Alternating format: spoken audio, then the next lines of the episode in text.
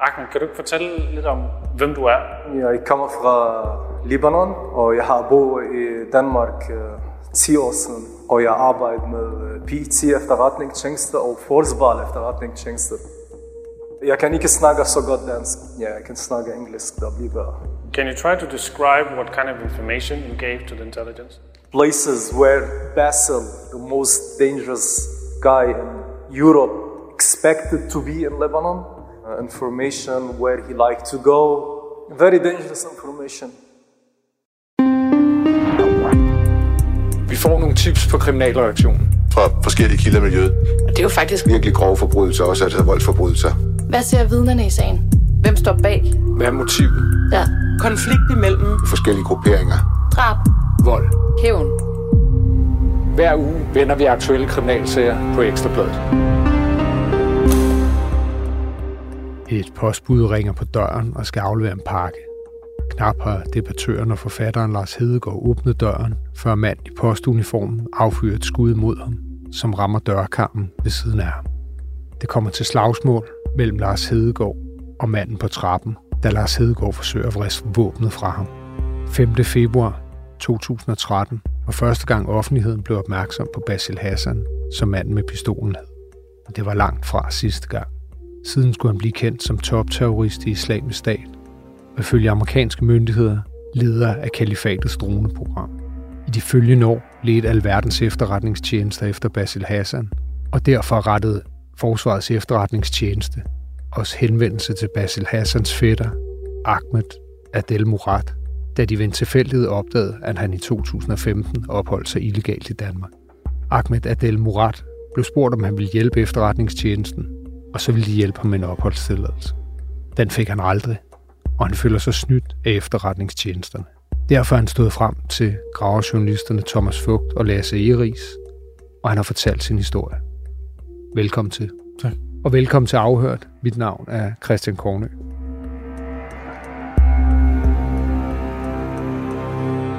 Basil Hassan er eftersøgt af CIA, FE og PT og alle mulige andre efterretningstjenester.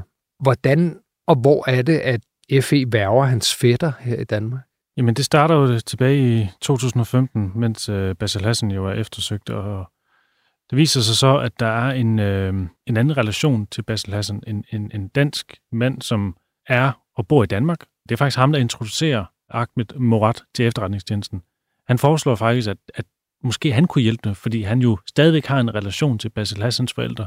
Og det bliver faktisk sådan, øh, starten på, på det her samarbejde her. Og hvad er det så, at efterretningstjenesterne vil have Ahmed til at gøre for dem? Det er jo helt oplagt for dem, at man, man bruger Ahmed til at, at få oplysninger ud af, af Basil Hassans familie. På det her tidspunkt her, der bor Basil Hassans forældre stadigvæk øh, på Nørrebro øh, eller i Nordvest. Og øh, Ahmed har stadigvæk en, en relation til dem. Så for dem er det jo, er det jo, har det jo virkelig stor værdi, hvis de kan få ham ind til forældrene, og måske få nogle oplysninger ud af, hvor, hvor øh, Basil Hassan er lige for tiden. Fordi på det tidspunkt her, der har han jo, sådan som jeg husker det, øh, løsladt fra et fængsel i Tyrkiet. Udover Lars Hedegaard attentatet, hvad kender man så Basil Hassan for? Man kender ham jo øh, som øh, leder af Islamisk Stats droneprogram, øh, hvor han jo øh, blandt andet øh, skaffede droner og udstyr dertil øh, her fra Danmark.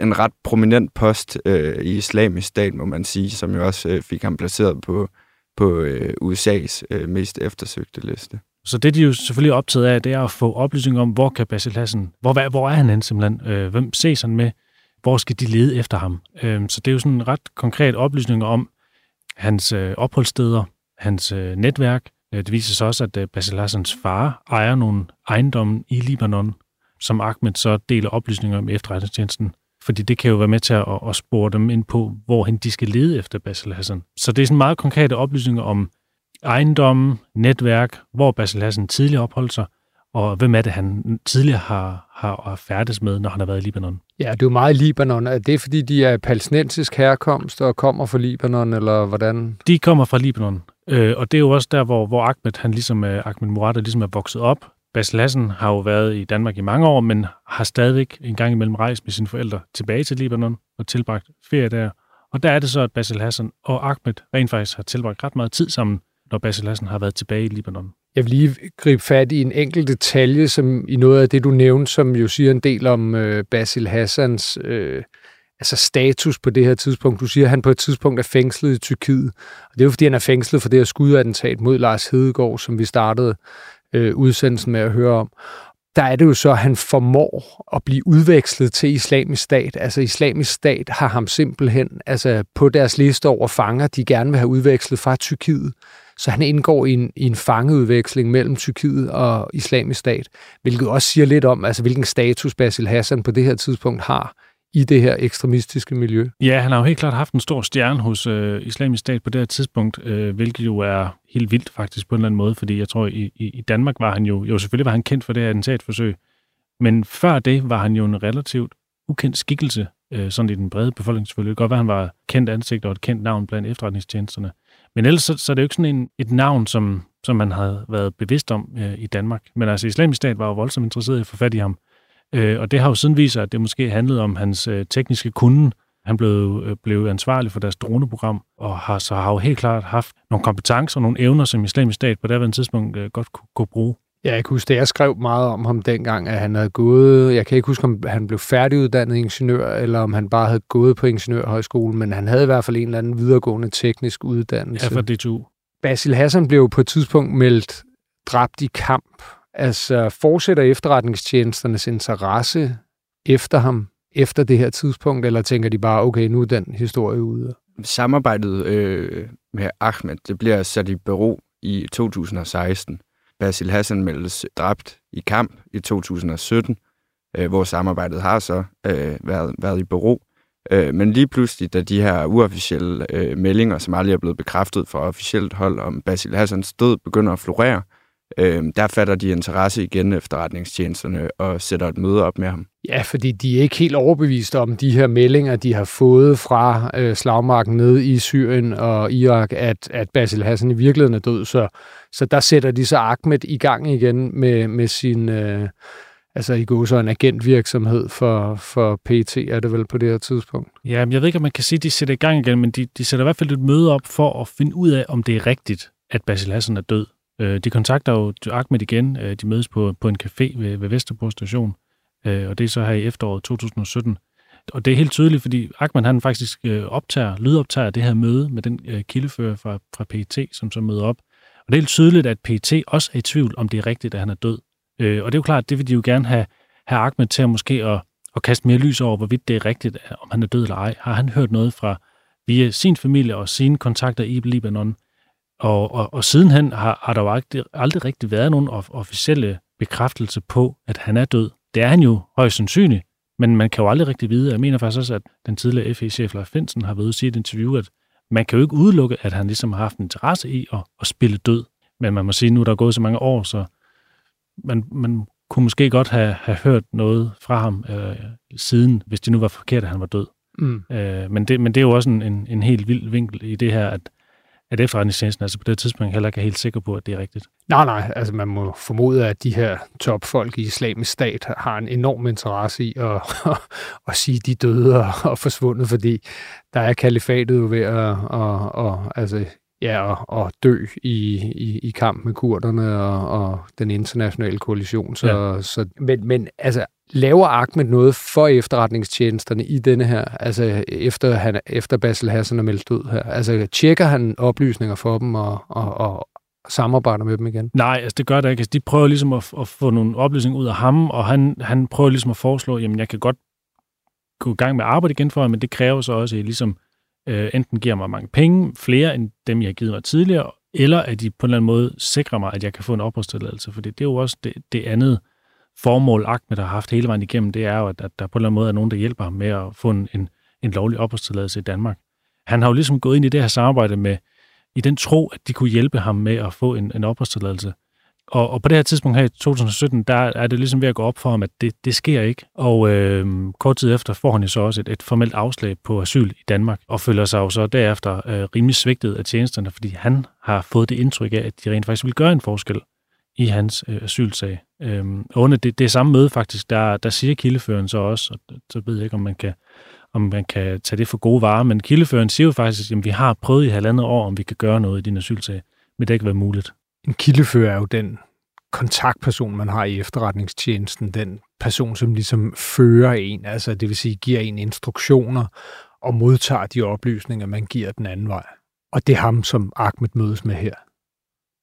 Hvad, hvad har det af konsekvenser for, for Ahmed? Altså det her med, at han ikke får asyl, og han, er det på Kærshovedgård, han udrejsecentret? Ja. Han ender, han ender nemlig på Kærshovedgård på grund af øh, et tidligere indrejseforbud, han fik, fordi øh, han brugte et falsk ID-kort tilbage i 2014. Derfor skal han jo ud af landet, og det sted, man ryger hen, inden man gør det, det er udrejsecenter Kærshovedgård. Og det skal lige siges, Kærshovedgård, det er det er lidt af en terrorrede, øh, øh, ikke i PT's egne ord, men næsten, fordi de har omtalt i øh, deres rapport fra Center for Terroranalyse, at det her det er et sted, som huser rigtig mange med islamistiske øh, sympatier. Og ifølge vores research, så var der jo også fem øh, terrordømte på Kærsudgård samme periode, som Ahmed opholdt sig der. Det vil sige, at han lige pludselig bliver placeret blandt folk, øh, som muligvis er sympatier med de miljøer, han har indsamlet oplysninger om for den danske efterretningstjeneste. Det giver sig selv, at det er en sprængfarlig kombination. Hvem er de her fem øh, terrordømte, som sidder her på det her tidspunkt? Ved I det? Ja, der er i hvert fald øh, to ret prominente. Den ene, det er Ahmed Kaldari, som blev dømt i voldsmose sagen øh, i 2006, hvor i alt tre personer blev, blev dømt for, for at have planlagt at begå et eller flere terrorangreb for eksempel på Rådhuspladsen eller Tivoli midt i København, kom det frem under sagen. Den anden ret prominente øh, terror, terrordømte, der sad på Kærshovedgård der, det er øh, Kurt Vestergaards attentatmand. Ja, Mohammed Gele. Ja, Mohammed Gele lige præcis. Det efterlader vel Ahmed i ret stor fare, hvis han ligesom skal, om, når man er udvist, så har man jo det, der hedder opholds- og meldepligt i Kærshovedgård, hvor man jo altså enten en gang om dagen, eller en gang om ugen, eller to gange om ugen, ligesom skal melde sig på Kærsudgård, fordi man er forpligtet til at opholde sig der. Men hvad gør Ahmed så her? Jamen, han bliver jo væk fra Kærsudgård og, og bryder dermed også sin ophold som meldepligt øh, gentagende gange, øh, fordi han føler sig udsat på stedet. Særligt efter han også optræder øh, anonymt i et indslag i 24-7 øh, i 2019. Der føler han sig endnu mere udsat og bliver faktisk genkendt af en øh, beboer på Kærsudgård også. Øh, Øh, det er ligesom også noget, der, der leder til, at han fortsat bliver ved med at bryde den her opholds- og meldepligt, fordi han ikke føler sig sikker på stedet. Det øh, ender så senere med at kaste øh, en straffesag af sig, som det jo gør for brud på opholds- og meldepligten, øh, hvor han bliver idømt, øh, så vidt jeg husker, 14 måneders fængsel for alle de her gentagende brud på opholds- og meldepligten. Nu har vi jo vendt øh, udrejsecenter Kærsudgård flere gange her i denne her udsendelse her tidligere. Altså, det er jo også et sted, hvor man ikke føler sig specielt sikker. Jeg var der selv i, jeg mener, det var 2021, 20 eller 21, og der er ligesom kun personale op omkring indgangspartiet, og resten af det her åbne fængsel, der er det så beboerne selv, der ligesom holder justits, hvis man kan sige det sådan. Øh. Og det giver jo en vis, øh, en vis junglelov i, i hvert fald. Øh. Det kan man føle, når man er der i hvert fald, og det tror jeg da også sådan en mand som Ahmed må, må have følt, især hvis de har genkendt, at han ligesom mm. er en, der har talt med politiet. Mm. Ja, ja, der er jo dels det her med, at han ligesom føler sig udtryk ved at færdes på Kærsogård, fordi han jo selv har infiltreret de miljøer, som så mange af beboerne på Kærsogård sympatiserer med. Uh, og så er der den anden faktor, som er, at han faktisk på det her tidspunkt har en, en, en, en nyfødt søn i Køge, som er meget spæd, men også født meget, meget øh, præmaturt. Øh, så derfor så føler han også et behov for at hjælpe sin, sin daværende kæreste med at tage vare på den her søn. Øh, så derfor så føler han heller ikke, at han kan opholde sig i Kassegård og Midtjylland, når han samtidig har en nyfødt søn, som kræver ekstra meget omsorg i, i Køge. Altså forsøger han altså at få genoptaget sin asylsag, eller hvordan med det? Eller forsøger han at få efterretningstjenesten? Altså fordi jeg tror, hvis jeg sad i den situation, ville jeg jo forsøge at få hjælp derfra, hvor... Øh... Ja, altså det han jo gør, det er, at han jo øh, for det første forsøger at, at blive flyttet fra Kassegård til et andet sted, hvor han er, er mere tryg, og hvor han er tættere på sin familie. På det tidspunkt, der, der er hans øh, sag jo sådan set afsluttet. Han, er, øh, han står i udrejseposition, ud, udvist, øh, og, og kan sådan set ikke rigtig gøre noget. Men der sker så det, at han, øh, da han kommer over på Sjælsmark, der bliver, han rent, der bliver sagen genoptaget, hans øh, asylsag. Han har klaget til flygtningenevnet, som jo er, ligesom er klageinstans i, i, det, i det system der. Og flygtningenevnet begynder så at behandle hans sag. Øh, og overfor flygtningene gør han også opmærksom på, at han ligesom har arbejdet for efterretningstjenesterne, øh, og, og hvad hans fortid er øh, i den sammenhæng. Og det har han jo gjort i, i alle de myndigheder, hvor han ligesom har været forbi øh, i de her ja, knap 10 år, hvor han har opholdt sig i Danmark. Og det, det, det spektakulære i det her er jo så faktisk, at i 2020, kort efter, at han er blevet idømt den her fængselsstraf for at bryde sin meldepligt. Nærmest dagen efter, så øh, kommer flygtningenødet frem til en ny afgørelse, som rent faktisk giver ham ophold. Det er en afgørelse, vi så har læst i forbindelse med vores, vores historie her, vores, vores research, og, og det, det vilde i den afgørelse er faktisk, at her står, at, at flygtningenevnet lægger til grund, at han har arbejdet for efterretningstjenesten, og at han har indsamlet oplysninger om Basil Hassan. Og det, det er jo ret øh, unikt, at vi her faktisk har en, en dansk myndighed, som går ind og lægger til grund, at han rent faktisk har været informant eller kilde for efterretningstjenesten. Det er jo normalt noget, som myndighederne og PET og FE holder sig langt fra. Du kan jo aldrig få dem til at bekræfte, hvem der har været kilde øh, eller informant for dem. Så, så det er jo sådan ret spekulativt, og det er jo så det, der, der ender med at være grundlaget for, at han får opholdstilladelse i Danmark, og han nu rent faktisk må opholde sig lovligt i landet, og nu øh, bor øh, privat. Han behøver ikke opholde sig på et øh, udrejsecenter, men kan ligesom færdes frit og have et arbejde osv. Ja, det er et bagtæppe, vi hele tiden altså, har i baghovedet her, når vi snakker om, at det er unikt, at de danske myndigheder ligesom anerkender, at, at han har været informant eller agent, om man vil, for efterretningstjenesterne. Det er jo både den her øh, Ahmed Samsam-sag, øh, hvor de har kæmpet med næb og klør for ikke at anerkende, at Ahmed Samsam indsamlede oplysninger øh, for dem øh, i den samme tidsperiode her, 13, 14, 15, øh, om de her islamiske krigere i Syrien og den slags. Og så er det jo også øh, altså, helt tilbage Morten Storm-sagen, som var ham, som ligesom sagde, at han arbejdede for de danske efterretningstjenesterne og hjalp CIA med at, at spore Anwar Avlaki øh, i øh, Yemen. Og ingen, i ingen af de to sager, som har været meget tæt beskrevet i medierne, har de ligesom på noget tidspunkt anerkendt, at det her, okay, den er god nok. Så på den måde er Ahmeds sag her altså helt unik. Ja, det, det er virkelig øh, i øjnefaldene, at, at man her faktisk har en myndighed, som siger, at det er rigtigt nok, vi tror på, at du har været øh, informant, og det er faktisk derfor, vi ender med at give dig opholdstilladelse i Danmark. Fordi han jo ligesom siger flere gange, jamen jeg har, jeg har lavet arbejde for FE og PET, og der kan vi faktisk se, at man i, styr, i styrelsen til allersidste sagsbehandling rent faktisk kontakter PET og FE, og ligesom informerer dem om, at øh, ham her, Ahmed, han siger altså det her, øh, og, og vi behandler hans asylsag her. Men vi ved så ikke, hvad der bliver svaret tilbage.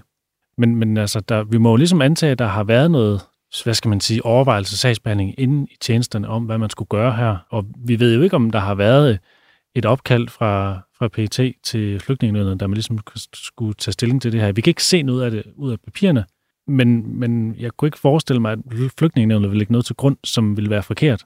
Det, det, det tror jeg er svært at forestille sig. Det, der ligesom er, er kernen for ham, det er, at han, han føler, ligesom, at han har sat sit liv på spil. Han har hjulpet i kampen øh, mod terrorisme. Øh, han har hjulpet de danske myndigheder, og så føler han ikke, at han ligesom, at der, der bliver levet op til det, som de har aftalt. Og så kan man diskutere, om, om han har hørt det, han ville høre, fordi der er også mange, der mener, jamen selvfølgelig kan en efterretningstjeneste ikke bare give en opholdstilladelse til en kilde, som, som tilfældigvis har hjulpet. Øh, det vil jo være i, i strid med, med, med sådan den generelle måde at sagsbehandle opholdstilladelser på. Omvendt, så findes der jo ting, der kan lade sig gøre, jeg har talt med kilder, der jo ligesom snakker om, jamen selvfølgelig kan efterretningstjenesten gøre en forskel, hvis det virkelig øh, er nødvendigt. Der findes jo også en konto hos PET til netop at betale kilder, som jo angiveligt skulle være den eneste konto nærmest i det danske statsregnskab, som der ikke skal afleveres bilag på, når øh, altså bliver udbetalt penge til, til kilder. Det er der i hvert fald nogle efterretningschefer, der også for mange år siden kom i fedtefadet på, men det er en helt anden historie. Denne her historie, altså hvordan møder I Ahmed? Øh, jamen, den starter jo ved, at, at Ahmed ligesom øh, kontakter øh, os, da jeg var på Radio 7 for øh, fire og et halvt år siden, hvor han ligesom siger, jeg vil gerne fortælle min historie, fordi jeg, jeg er så frustreret, jeg kan ikke øh, komme igennem nogen steder. Øh, og dengang, der var han anonym, og nu kan jeg jo så godt løfte slået for, at det var ham, øh, fordi nu har han jo ligesom selv trådt frem. Så det var ligesom der, øh, jeg mødte ham første gang, og, og så har jeg ligesom holdt kontakten med ham siden da, og, og, og nu er vi så nået til, at han ligesom føler, øh, at, han, at tiden er kommet til, at han gerne vil stille sig frem, fordi han stadigvæk øh, rent faktisk øh, mærker nogle konsekvenser af det her forløb her. Øh, fordi det, der ligesom er sket, det er, at øh, da han ender med at få sin opholdstilladelse, så har han stadigvæk den her fængselsstraf øh, om øh, brud på meldepligt, den har han stadigvæk hængende over hovedet. Øh, han har afsonet nogen af den, noget af den, fordi han ligesom var varetægtsfængslet en periode, men den resterende del er ikke øh, afsonet, og sagen er anket, og landsretten har ikke øh, berammet den sag endnu. Så den, den ligger sådan set stadigvæk og, og, og florerer, øh, uden at der er taget en endelig afgørelse på, hvad der skal ske i den sag. Men nu har vi faktisk fået at vide her øh, i går, at sagen nu er berammet rent faktisk i landsretten til november. Okay. Så, så den kommer fra retten, den her ankesag her. Og bare lige for at opsummere, den fængselsstraf, Ahmed har hængende over hovedet, skyldes, at han ikke har overholdt sin meldepligt på Kærshovedgård. Og det gjorde han ikke, fordi der sidder på det her tidspunkt de her terrordømte på udrejsecentret. Og dem er han nervøs for at bo sammen med. Men det har ligesom været en af, en af formålene øh, for Ahmed, det er, at han på en eller anden måde gerne vil stå frem og fortælle om, om de her øh, uretfærdigheder, han mener er blevet udsat for, og, og måske ruske op i myndighederne og sørge for, at der ligesom bliver taget hånd om den her sag en gang for, for alle. Ja, man hører jo også tit fra folk, som netop har altså både sager og ankesager hængende over hovedet, at de føler ikke rigtig, de kan komme videre i deres liv, fordi de ved ikke, om de pludselig skal ind og sidde i et halvt eller et helt eller mange år, eller hvor længe det nu måtte være. Øh, ja. At det er svært at ligesom starte en ny tilværelse op. Eller... Ja.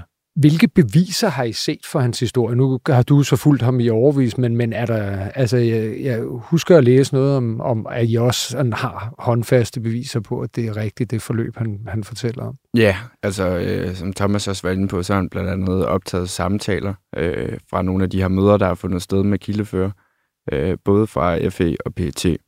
Øh, det, det er et ganske håndfast bevis. Derudover så er der... Øh, så er der selvfølgelig også flygtningenevnets begrundelse, som, som vi også læner os øh, meget, af, meget op af, øh, foruden, foruden adgangen til alle sagens dokumenter, som vi har fået gennem, gennem, gennem Ahmed selv, hvor vi kan se, at han ligesom også bliver ved med at bringe det op, og bliver ved med at bringe det op. Så man kan sige samlet set, så er det ret, ret overvældende dokumentation. Ja, og så udover hvad kan man sige, det materiale, der ligger på hans sag, og hvad han selv har materiale, så har vi så også nogle oplysninger, nogle kilder, som, som vi ikke sådan kan gå i detaljen med, som som jo også bekræfter nogle af de ting, vi har interesseret for. Vi har også omfattende sms-korrespondence med, med de her øh, kildefører, som han ligesom har været i kontakt med, hvor det jo ret tydeligt fremgår, hvad det er, det her det drejer sig om.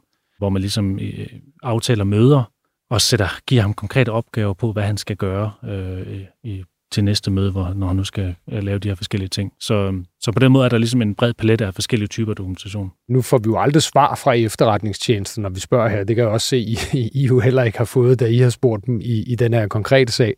Men man kan vel også måske drage den lidt overordnede konklusion, og det kan sagtens være, at den er forhastet, men at de måske har lært af Ahmed Samsam-sagen, og her der ender de jo så rent faktisk med måske at opfylde det løfte, de har altså givet ham.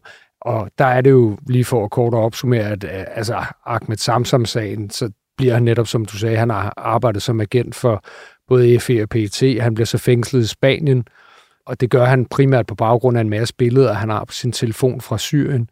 Og det siger han, han har taget fra FE og PET, og håber og føler sig ligesom overbevist om, at de vil hjælpe ham ud af den her kattepine, han er havnet i Spanien. Men det gør de så ikke, og han ender med at få otte år øh, som terrorist, og er først her for ganske nylig blevet, blevet løsladt. Men det er måske for meget for langt at tro, at denne her sag ligesom har, eller at den sag måske har lært dem at behandle deres kilder lidt bedre, og det er det, der er, er sket her i, i Ahmed Murats sag. Ja, så det, det, er jo, det er jo ren spekulation, ikke? Øh, fordi jeg kan ikke lige lægge det ind på en, på en, øh, på en tidslinje her, men altså Samsung-sagen strækker sig også over mange år. Det her, det er jo sådan, ja, det er jo lidt simultant på en eller anden måde virkeligheden handler det her jo også lidt om, hvad har man indikeret lidt for meget over for ham, øh, i, i forhold til, hvad man egentlig kunne stå indenfor. Og det er jo, det er jo også et spørgsmål om etik.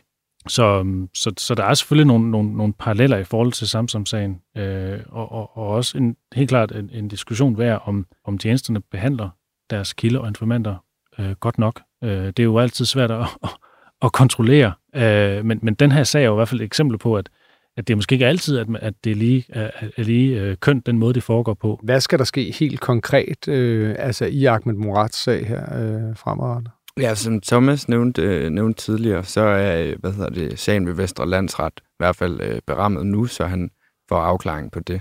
Øh, så har han jo også fået en, fået en opholdstilladelse på bagkant af, af flygtningenævnet hjemsendt øh, øh, sagen til Udlændingsstyrelsen, og så, øh, så er der en asylsag. Og her til sidst, øh, altså, sker der mere i sagen om Ahmed Murat?